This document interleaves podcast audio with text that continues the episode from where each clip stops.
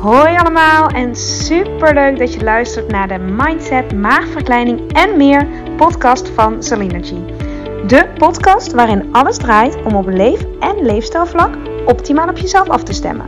Deze podcast is voor iedereen, maar al helemaal als je overweegt, bezig bent of ervaring hebt met een traject van een maagverkleining of een andere intense fase van je leven die uitnodigt tot persoonlijke groei en die je volop wil benutten om er alles uit te halen wat voor jou belangrijk is en waar je zelf invloed op hebt.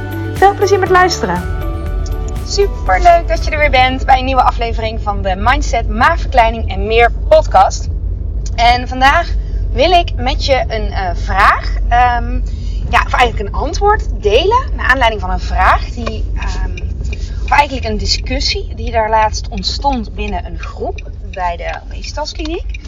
En um, ja, deze uh, kun je. Um, uh,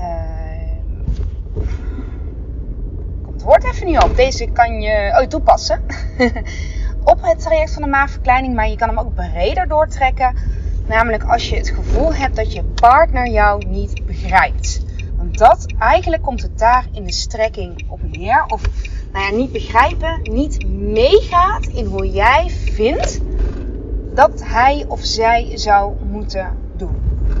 Herken je dat? Dat je zelf ja, met afvallen natuurlijk bezig bent of met um, een vakantie plannen of um, ja, je, je bent bezig met iets wat jij heel erg belangrijk vindt en je merkt dat je partner hmm, nou, daar een beetje lauw op reageert of niet meegaat of in je, in je voorstellen of in je enthousiasme of in je struggles.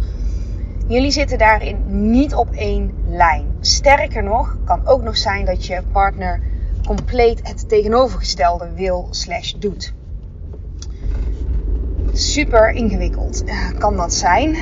Um, ik had laatst um, iemand die zei, ja, dat was een, man die zei, ja, ik wil heel graag op een wandelvakantie, maar mijn vrouw wil het allerliefst um, ja, gewoon uh, luieren eigenlijk in de zon. Nou ja, kwamen ze dus helemaal niet over, uh, uh, kwamen ze niet uit wat, wat dan te doen. Um, nou, dat is even, ja, misschien wel interessant om dat nu te benoemen. Uiteindelijk, dat was ook wel een grappige, wij doen dat thuis overigens ook.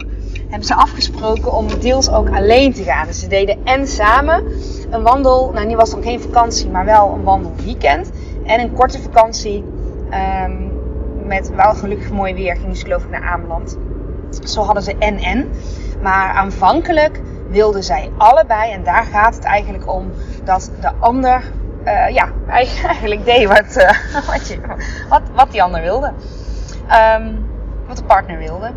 En dat is gewoon iets wat denk ik heel veel terugkomt. Dat als je uh, zelf ergens achter staat of iets graag wil en iets belangrijk vindt uh, dat het enorm fijn en helpend is als je partner uh, daarin in meegaat. Hè? Dat maakt het gewoon een stuk makkelijker. Je voelt je misschien meer gesteund.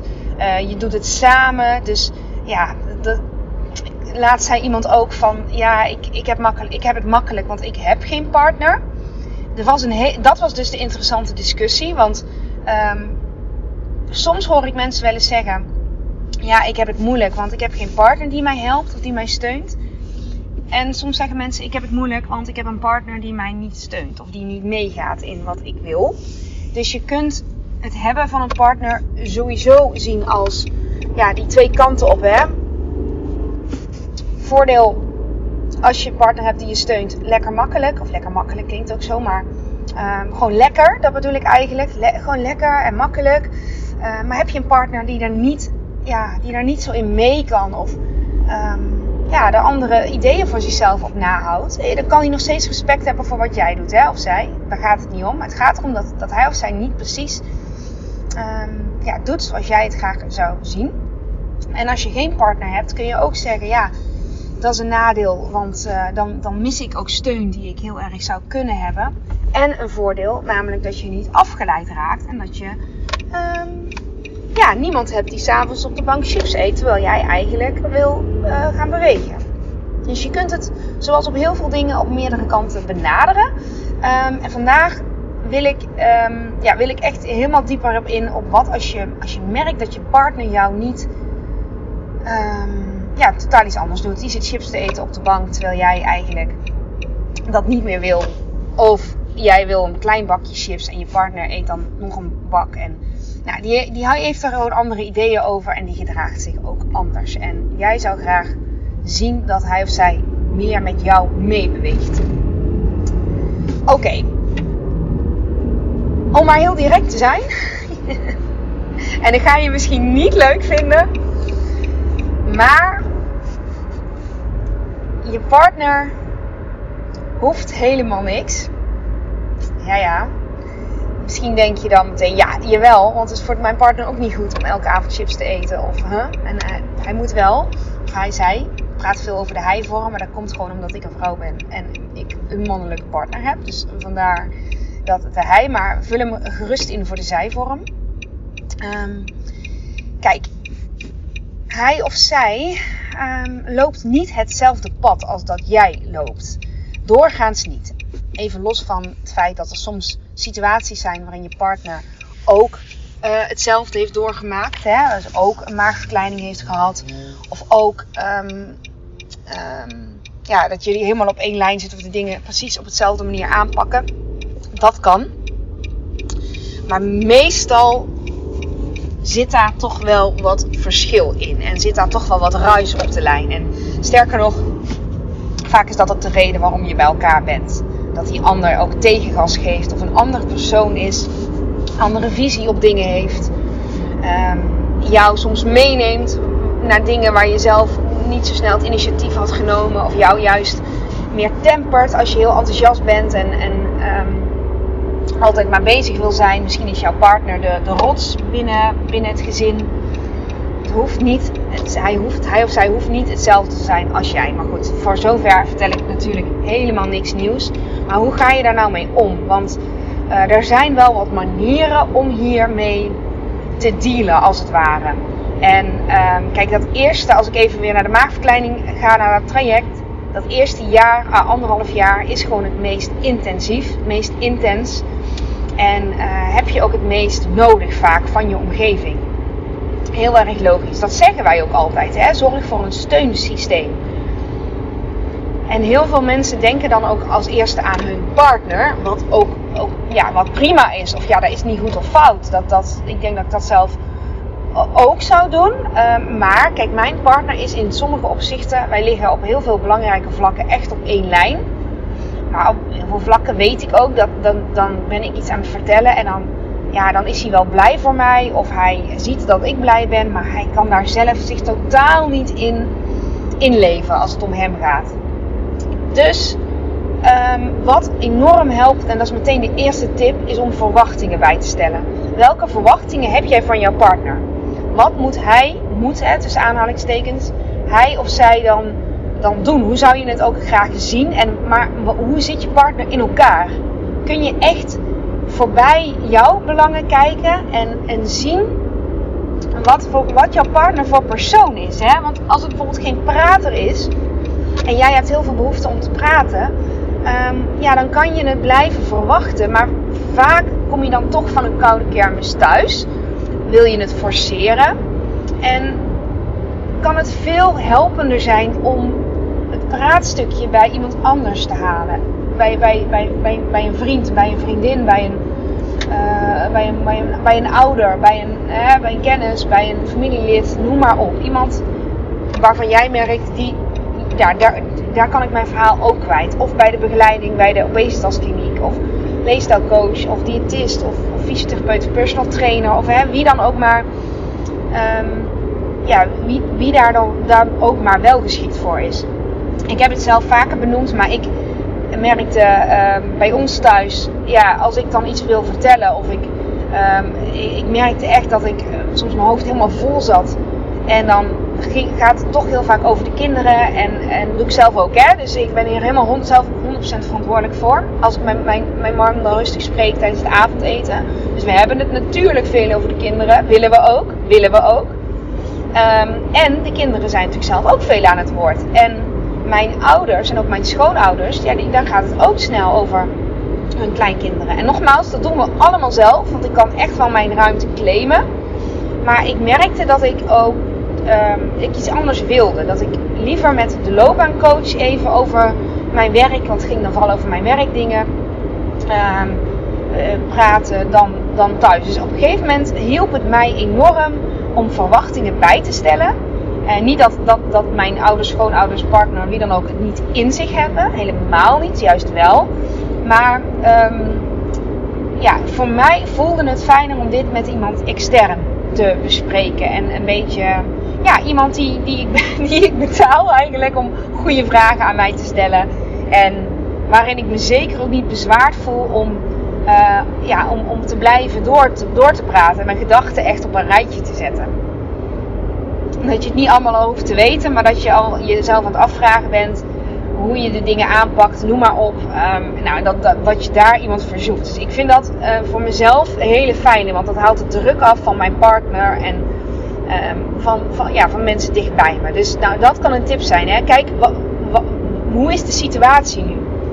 En waar, waar is je partner mee bezig? Want misschien ben jij met een maagverkleining bezig en is je partner ondertussen met een nieuwe baan bezig. Of um, Zit hij in een burn-out? Of heeft hij zorg nodig? Of ben je al mantelzorger? Hè? En zeg je sowieso, ik kan mijn partner hier niet mee belasten. Of wil ik niet, want die heeft zijn eigen zorgen. Um, is super krachtig om dat te erkennen.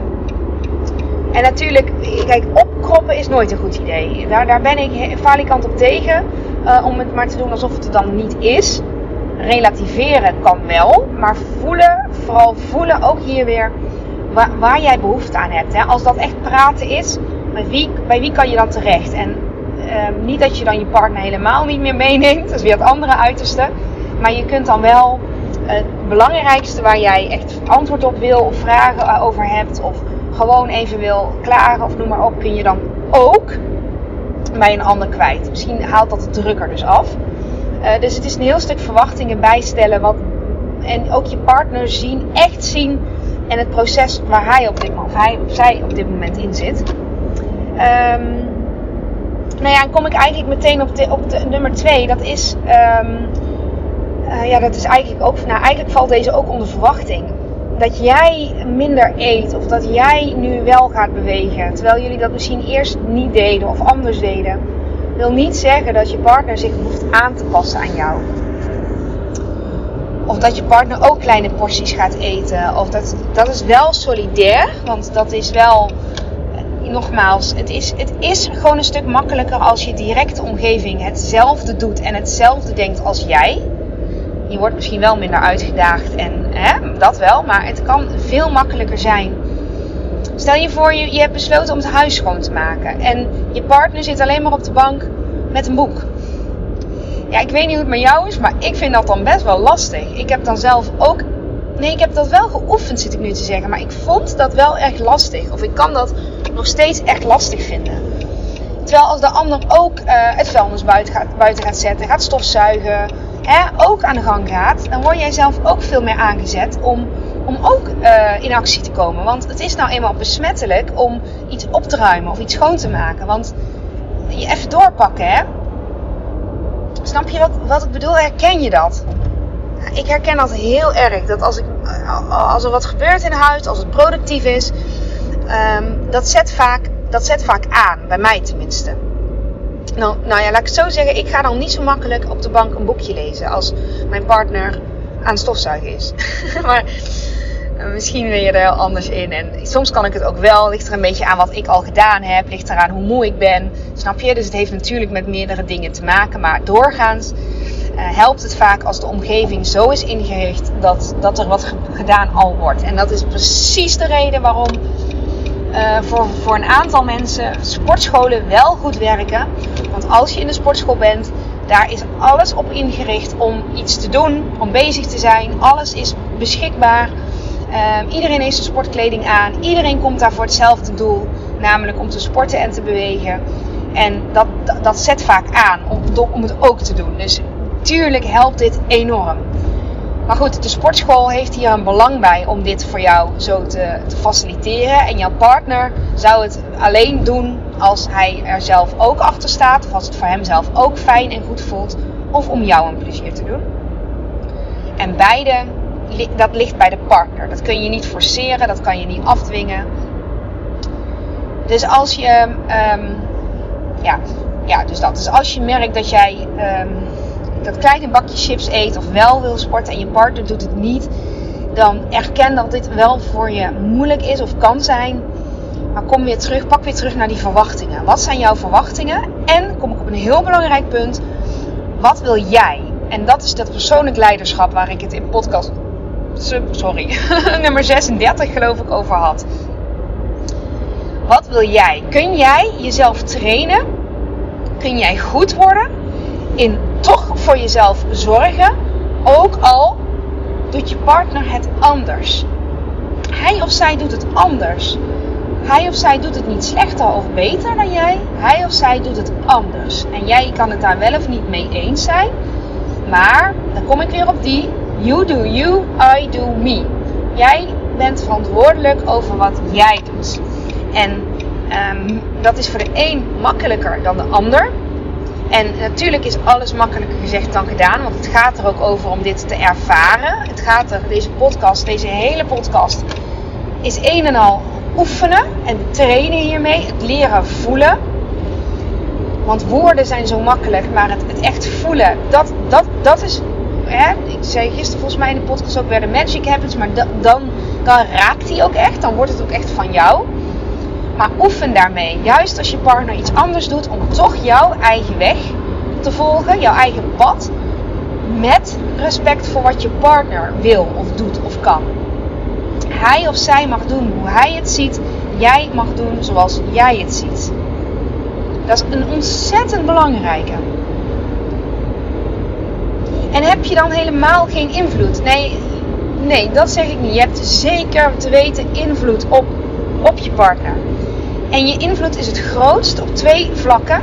Namelijk um, één, hoe jij zelf in het leven staat of gaat staan. Um, zelf het voorbeeld zijn van hoe jij, graag, hoe jij het graag zou zien. Deze kun je op alles toepassen. Met eten, drinken, met eten, drinken, scheiden, in het ouderschap, met bewegen, eh, in relatie tot andere mensen, hoe jij naar je werk toe gaat, hoe jij opstaat, wanneer je naar bed gaat. Wat je zo graag wil van je partner is direct een uitnodiging om zelf na te leven. Te oefenen daarmee. Want dat is het hè. Je wil graag van je partner waar je zelf ook meer van wil. Alleen jij bent de enige die het kan doen voor je uiteindelijk. En een ander kan je het makkelijker maken en je steunen, absoluut. En uiteindelijk ben jij degene die het echt kan doen. Dus als jij dit als uitnodiging ziet, juist als je partner niet meebeweegt, om het maar even zo te zeggen, om met jezelf extra mee te bewegen. Wees jij dan degene die jij wil zien om je heen? Wees jij dan degene die jij wil zien om je heen? En twee is deze Ehm, geef aan aan je partner wat jij belangrijk vindt. En um, dan is het ook weer aan de partner om daar wel of niet op in te gaan. Maar op het moment dat jij op een, op een rustig moment kan zeggen: ik, het zou, ik zou het echt fijn vinden als je bijvoorbeeld naar de. Um, als we het hebben over het traject van de maagverkleining even. Hè? Als je naar de VIP-sessie gaat. De, bij de Obesitaskliniek organiseren wij een VIP-sessie waarin wij alles uitleggen hoe je als partner um, ja, je, je, je partner zo goed mogelijk bij kan staan. En leggen we vanuit ons perspectief uit hoe, hoe, uh, hoe dit hele traject nou in, in werking gaat. Uh, wat ze kunnen verwachten.